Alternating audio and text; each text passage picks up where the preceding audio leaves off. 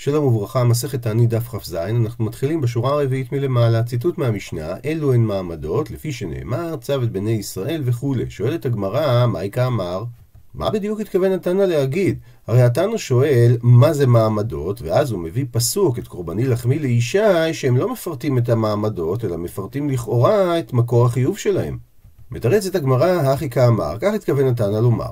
אלו הן מעמדות, ואותם נפרט עוד רגע במשנה. לפני זה, ומה טעם תקנו מעמדות? והתשובה, לפי שנאמר, נקרא בפנים, צו את בני ישראל ואמרת עליהם את קורבני לחמי לישי ריח ניחוחי, תשמרו להקריב לי במועדו. דהיינו שקורבן התמיד הוא ציווי הכל בני ישראל להביא אותו, ואך קורבנו של אדם קרב והוא אינו עומד על גביו, לכן התקינו נביאים הראשונים 24 משמרות, על כל משמר ומשמר היה מעמד בירושלים של כהנים ושל לוויים ושל ישראלים. כאשר הגיע זמן משמר לעלות, כהנים ולוויים עולים לירושלים. ומביאה הגמרא, תנו רבנן, שנו רבותינו בברייתא. 24 משמרות היו בארץ ישראל ו-12 ביריחו. ואומר רש"י שבשלב הזה אנחנו מבינים שמלבד 24 המשמרות שהיו בעיירות שבארץ ישראל, היו עוד 12 משמרות ביריחו. ועל כך שואלת הגמרא, 12 ביריחו? אם כך, נפישן לאו טובה. אז יש הרבה יותר מ-24 משמרות, שהרי ביחד זה 36 משמרות. אלא מתרצת הגמרא, 12 מהן ביריחו. דהיינו, מתוך אותם 24 משמרות, 12 משמרות היו ביריחו.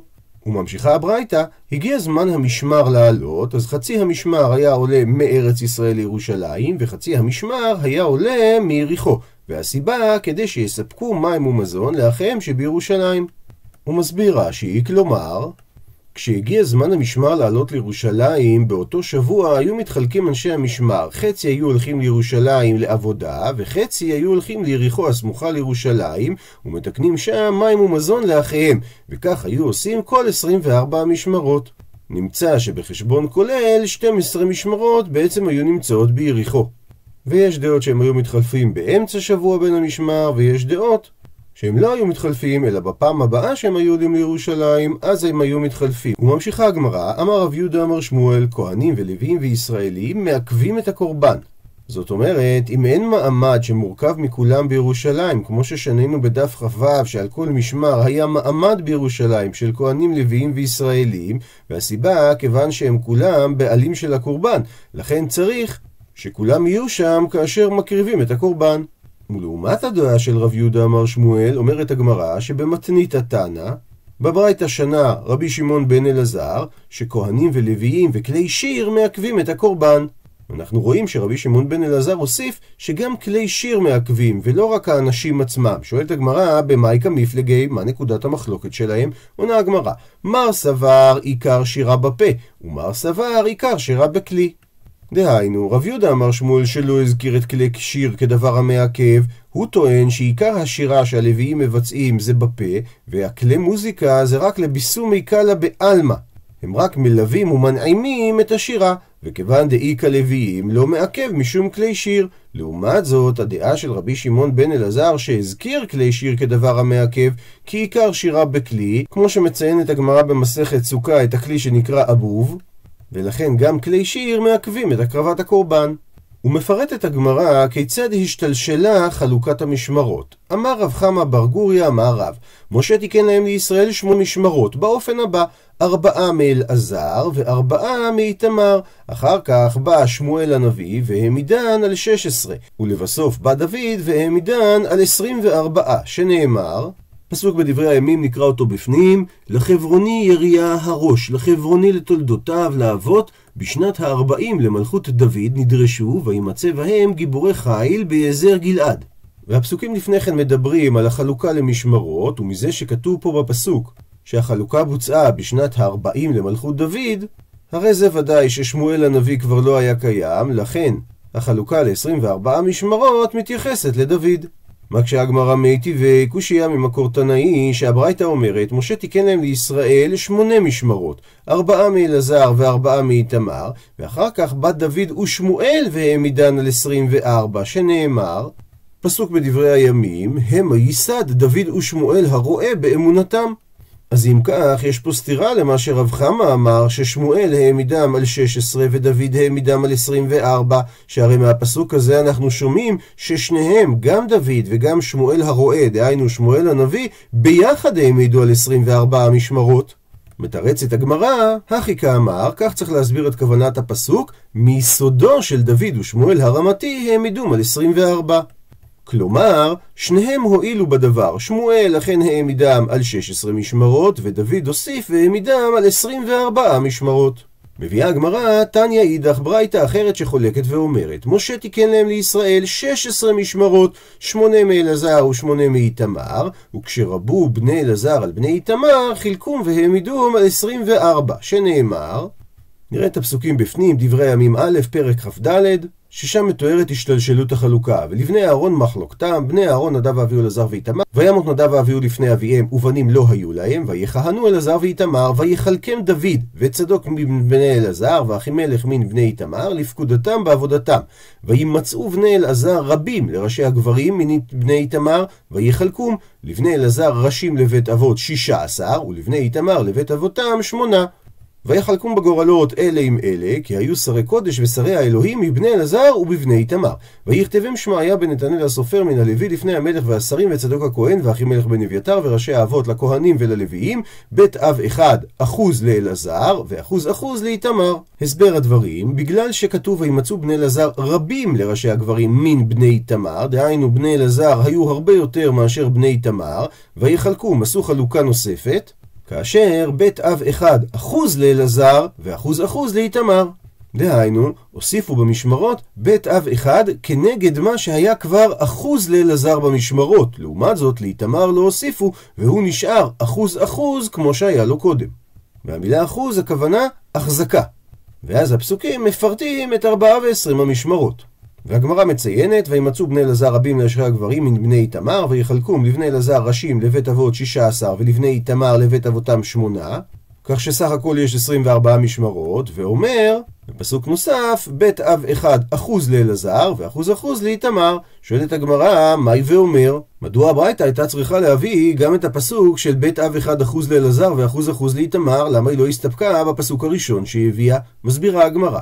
וכי תימה, ואולי תאמר שבהתחלה היו ארבע משמרות לאלעזר וארבע לאיתמר, וכי היכי דנפי שבני אלעזר, וכמו שהתרבו בני אלעזר, החנמי כך גם דנפי שבני איתמר. באותו אופן התרבו גם בני איתמר, ואם כך, שמונה מעיקרא ארבעה הבו. אז גם שמונה המשמרות שמצוינות שהיו לבני איתמר, זה הכפלה של המספר שלהם, שבהתחלה אולי הם היו ארבעה משמרות. לכן הביאה הברייתא את הפסוק השני, תשמע, בוא תשמע מהפסוק השני, שאומר בית אב אחד אחוז לאלעזר ואחוז אחוז לאיתמר, שזה אומר שהמצב של בני איתמר נשאר כמות שהוא ולא הכפיל את עצמו. שורה תחתונה, אומרת הגמרא, טיובתא דרב חמא בר גוריא, שהרי מהברייתא אנחנו שומעים שמשה תיקן 16 משמרות, 8 לאיתמר ו-8 לאלעזר, ואם כך, קשה למה שאמר רב חמא, שהוא אמר שמשה תיקן 4 ו-4 משמרות לכל אחד. והברייתא האחרונה תסביר את הפסוק שמדבר על שנת ה-40, ששם כתוב שדוד הוסיף עוד משמרות, זה לעניין ההשלמה ל-24 משמרות, אבל מראש משה תיקן את 16 המשמרות. עונה הגמרא, אמר לך רב חמא בר גוריא, תנאי זה מחלוקת תנאים, ואנא דאמרי, ואני אומר כי היי תנא דאמר שמונה. שהרי ראינו את הברייתא קודם שאמרה שמשה תיקן להם שמונה משמרות משניהם ביחד. דהיינו ארבע לאיתמר וארבע לאלעזר. אז אם כך יאמר רב חמא בר גוריא, אני סובר כמו אותו התנא. ממשיכה הגמרא תנו רבונן, שנו רבותינו בברייתא, ארבעה משמרות עלו מן הגולה, מדובר על תקופת בית שני, שאר המשמרות לא עלו, שהרבה מישראל נשתיירו בגולה ולא רצו לעלות. ועל זה אומרים ההיסטוריה לעולם חוזרת, כך גם קרה לפני הקמת מדינת ישראל, שהרבה יהודים נשארו באירופה ולא זכו להינצל מהשואה. מפרט את הברייתא, ואלו הן ידעיה, חרים, פשחום ואימר. ורש"י מקשה, הרי פשחור לא כתובה לגבי המשמרות שמופיע בפרק כ"ד בדברי הימים. ידעיה, חרים ואימר מופיעים, אבל פשחור לא מופיע. ואומר הבח שלפי עניות דעתו יש לתרץ, שכיוון שבספר עזרא בפרקים הראשונים כתוב שהעולים מן הכהנים היו ארבע משמרות ושם כן מחשיבים את פשחור, אז מזה אנחנו שומעים שלפחות לאחת מ-24 משמרות היה לה עוד שם אחר. שהיא נקראה גם פשחור, או גם ניתן לומר שנשתנה השם שלה מפשחור לשם שמנוי באותם 24 משפחות. וממשיכה הברייתא, עמדו נביאים שביניהם, הפכנו דף, וחילקום והעמידום על 24 בללום ונתנום בקלפי, בא ידעיה ונתן חלקו וחלק חבריו שש, בא חרים ונתן חלקו וחלק חבריו שש, וכן פשחור וכן אימר. הוא מסביר רש"י שהם חילקו את ארבעת המשמרות ל-24 משמרות, וכל אחד מהמשמרות קיבל כינוי מיוחד משלו. ועכשיו שכל משמרת התחלקה בעצם לשש משמרות, צריך לקבוע מי המשמרת הראשונה, מי השנייה וכולי. אז כתבו על 24 חתיכות קלף את השמות של ראשי המשמרות החדשים, ואז בא הנציג של משמרת ידעיה, ולקח את הקלף שעליו היה כתוב את השם שלו, ועוד חמש חתיכות של המשמרות שנחלקו ממנו, סך הכל שש קלפים. ובין שש חתיכות הקלף הללו הוא היה עושה הגרלה, ומי שהיה עולה בידי הראשון היה לשבת הראשונה. שבסדר שהיו עולים בידו זו אחר זו, כך היו עובדים בשבתותיהן זו אחר זו.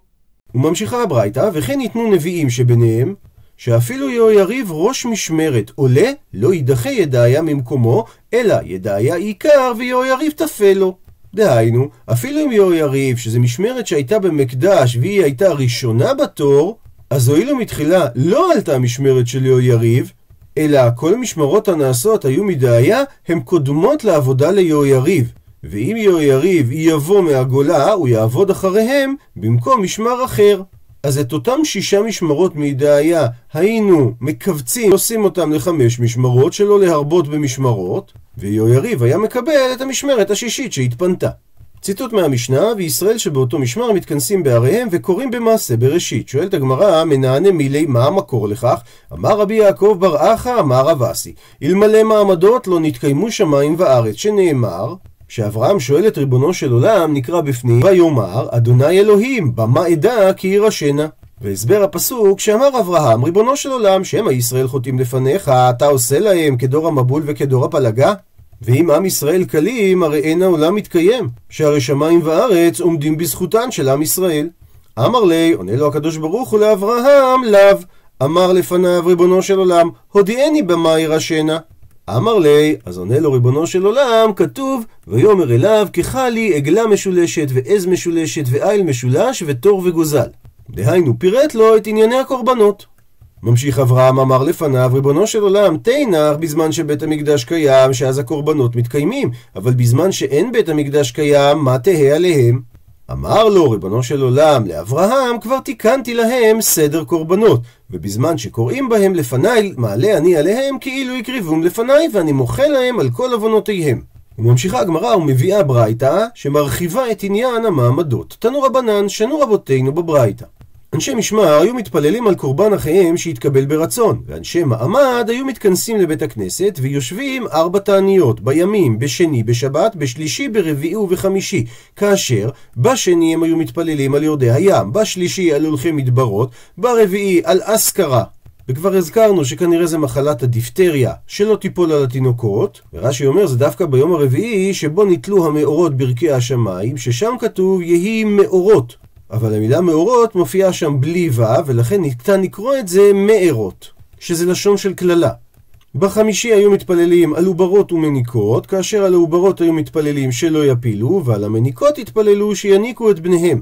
והתפילה הזו היא דווקא ביום חמישי, כי שם כתוב ישרצו המים שרץ נפש חיה. ולכן דווקא אז ראוי להתפלל על העוברים ועל התינוקות שנולדו שיחיו. ובערב שבת לא היו מטענים מפני כבוד השבת, קל וחומר בשבת עצמה שלא היו מטענים. ושואלת הגמרא, באחד בשבת, מה הייתה לא? אמרנו שמטענים במשך כל ימות השבוע, בשני, בשלישי, ברביעי ובחמישי, ובסוף שבוע לא בגלל השבת. אבל למה ביום ראשון לא היו מטענים? אמר רבי יוחנן, מפני הנוצרים, מסביר רש"י, שעושים אותו את יום ראשון יום טוב שלהם. ואם יצומו באותו יום, אז זה יכול לגרום לחיכוך עם האוכלוסייה המקומית בגלות, שעושים יום אבל ביום החג שלהם. המהרש"א חולק על הפירוש הזה, הוא אומר הרי המעמדות לא היו רק בבית שני, שאז נוצרו הנוצרים, אלא גם בבית ראשון. לכן הוא מחזק את הגרסה שאומרת גליליים ולא נוצרים, כאשר הסיבה נשארת אותה סיבה בגלל שהם היו חוגגים את היום הראשון ולא רצו ליצור איתם חיכוך. רבי שמואל בר נחמני אומר, מפני סיבה אחרת, מפני שהוא שלישי ליצירה. שאם נעשה חשבון, אדם נברא ביום השישי, ולכן ביום השלישי ליצירתו הוא חלוש, באופן דומה למה שכתוב, ויהי ביום השלישי בהיותם כואבים. אז היום השלישי ליצירה, אם נספור, שישי, שבת, ראשון. והחולשה הזאת חוזרת בכל יום ראשון בשבוע, ולכן חכמים לא תיקנו להתענות בו. שלקיש אמר, סיבה שלישית, מפני נשמה יתרה שיש לאדם בשבת, ונוטלים אותה ממנו במוצאי שבת, ואז הוא נחלש. דאמר ריש לקיש, נשמה יתרה ניתנה בו באדם בערב שבת, והיא מרחיבה את דעתו של אדם לאכילה ושתייה, ובמוצאי שבת נוטלים אותה ממנו, שנאמר שבת וינפש. כיוון ששבת, כיוון שנח ושמר את השבת, אז במוצאי שבת וי אבדה נפש. שהמילה וינפש נדרשת בנוטריקון כשתי מילים מחוברות, וינפש, וי אבדה נפש. מהסיבה הזאת אומר יש לקיש שחכמים לא תיקנו שיהיה מעמד ביום ראשון כדי שלא יצומו בו. ציטוט מהמשנה, ביום הראשון קוראים את בראשית ויהי רקיע. טענה שנינו בברייתא במסכת מגילה, בראשית בשניים, יהי רקיע באחד. דהיינו, כהן ולוי שעולים לתורה הם קוראים ביום התענית את הפסקה של בראשית, דהיינו מפסוק א' עד פסוק ה', וישראל שעולה שלישי קורא מפסוק ו' עד פסוק ח'. ושואלת הגמרא, בישלמה נוח לי להבין שיהי רקיע באחד, כי תלת הפסוק יאהבו, יש שם שלושה פסוקים, אלא בראשית בשניים, איך זה מסתדר? הרי חמישה פסוקים האביין, ותניא, ושנינו בברייתא, שהקורא בתורה על לפחות משלושה פסוקים. אז איך שני אנשים מתחלקים בחמישה פסוקים, מביאה על כך הגמרא מחלוקת. רב אמר דולג, ושמואל אמר פוסק. דהיינו, רב שאמר דולג, הראשון קורא שלושה פסוקים והשני מתחיל בפסוק שסיים בו הראשון, ומוסיף עוד שני הפסוקים האחרים עמו, הרי שלושה פסוקים. ואין בעיה שאנחנו משאירים בפרשה פחות משלושה פסוקים עבור העולה השני, כי אין לנו אפשרות אחרת. שמואל לעמד זאת אומר פוסק, דהיינו, הוא מפסיק את הפסוק האמצעי לשניים, הראשון קורא שני פסוקים וחצי, והעולה השני, שזה הלוי, משלים את חצי הפסוק האמצעי שקרא הכהן עם שני הפסוקים האחרים. זאת אומרת שלפי שיטת רב, מכפילים את פסוק ג' העולה הראשון קורא שלושה פסוקים, וגם העולה השני קורא שלושה פסוקים. לעומת זאת, לפי שיטת שמואל, את פסוק ג' חוצים באמצע. העולה הראשון קורא את פסוק א' ב' וחלק מפסוק ג', והעולה השני קורא את החלק שנשאר מפסוק ג' ואת פסוקים ד' ה'. שואלת הגמרא, ורב דאמר דולג, דהיינו שהוא מכפיל את הפסוק האמצעי, מה איתם לא אמר פוסק? מדוע הוא לא אמר כשמואל שמחלקים את הפסוק האמצעי לשתיים? עונה הגמרא שכסבה רב, שכל פסוקה דלא פסקי משה, שמשה רבנו לא חילק את הפסוק הזה, אנן לא פסקינן לי, אז אנחנו לא מחלקים אותו. וממילא נשאלת השאלה, ושמואל, שהוא אמר פוסק, ומי פסקינן? האם מותר להפסיק את הפסוק באמצע ולעשות חלוקה שונה? והאמר רבי חנינא קרא, שהוא היה בעל מקרא, דהיינו בעל קוירה, ויודעה בגרסה ובקיא בטעמיה. וכך הוא מספר, צער גדול היה לי אצל רבי חנינא הגדול, דהיינו, הרבה טרחתי וחזרתי עליו כדי שיתיר לי לפסוק את הפסוק לשניים, לצורך התינוקות שלומדים לפניי, שאינם יכולים לקרוא פסוק כולו. ולא התיר לי לפסוק אלא לתינוקות של בית רבן, הואיל ולהתלמד עשויים. אז אם כך, איך שמואל התיר לחלק את הפסוק לשניים? אומרת הגמרא, ושמואל, מה הוא יענה על זה? הטמטם ממאי. שם לגבי תינוקות של בית רבן. למה הטעם שהתירו לחלק את הפסוק? משום דלא אפשר, כי אין אפשרות אחרת. החנמי כאן גם לא אפשר. אין אפשרות אחרת אלא לחלק את הפסוק לשניים. רש"י אומר שהאפשרות שרב אמר של דילוג היא לא אפשרות קבילה. למה? משום הנכנסים והיוצאים. שאם העולה השני היה דולג ומתחיל בפסוק שסיים בו הראשון, אז בני אדם שנכנסים עכשיו לבית הכנסת, הם לא שמעו את קריאת הראשון, והם יהיו סבורים לומר שלא קרא הראשון, אלא שני פסוקים. ואז תצא מזה תקלה. לעומת זאת, כשהראשון קורא שלושה פסוקים, והוא לא משאיר אלא שניים, פה יכולה לקרות תקלה הפוכה של גזירת היוצאים, שמי שיוצא לפני הזמן, הם יסברו שהשני מספיק לו לקרוא שני פסוקים. וזה סותר את מה ששנינו בברייתא שהקורא בתורה על לפחות משלושה פסוקים. לכן אומר שמואל שאין ברירה אלא לחלק את הפסוק לשניים. וממשיכה הגמרא ושואלת, ושמואל שאמר פוסק, מה איתם הלא אמר כמו רב שדולג? עונה הגמרא שהטעם הוא, כמו שראינו ברש"י, גזרה משום הנכנסים וגזרה משום היוצאים. מקשה הגמרא מיטיבי, קושייה ממקור תנאי על דברי רב ושמואל. שאומרת הברייתא, כשיש פרשה של שישה פסוקים, קוראים אותה בשניים, וכשיש פרשייה ושל חמישה פסוקים, אז הראשון קורא שלושה, השני קורא שניים מפרשה זו ואחד מפרשה אחרת, ויש אומרים שהוא יקרא שלושה פסוקים מהפרשה האחרת, לפי שאין מתחילים בפרשה פחות משלושה פסוקים. עד לכאן לשון הברייתא, ושואלת הגמרא, למאן דאמר דולג לדלוג ולמאן דאמר פוסק לפסוק? כלומר, בפרשה של חמישה פסוקים, למה צריך האדם השני לקרוא שלושה פסוקים בפרשה אחרת? הרי לפי שיטת רב, הוא יכול להכפיל את הפסוק האמצעי, ולפי שיטת שמואל, הוא יכול לפסוק את הפסוק האמצעי. מתרצת הגמרא, שאני האטם, שונה הדין שם לגבי החמישה פסוקים, הפכנו דף דאית לרבך, שיש לו רווח שהוא יכול לקרוא מפרשה אחרת. וזה אכן עדיף מאשר לדלג או לפסוק, אבל במקרה שלנו של המעמדות, אין לו את הרווח הזה, שהרי הוא יכול לקרות רק את בראשית ויהי רקיע. עד לכאן דף כ"ז.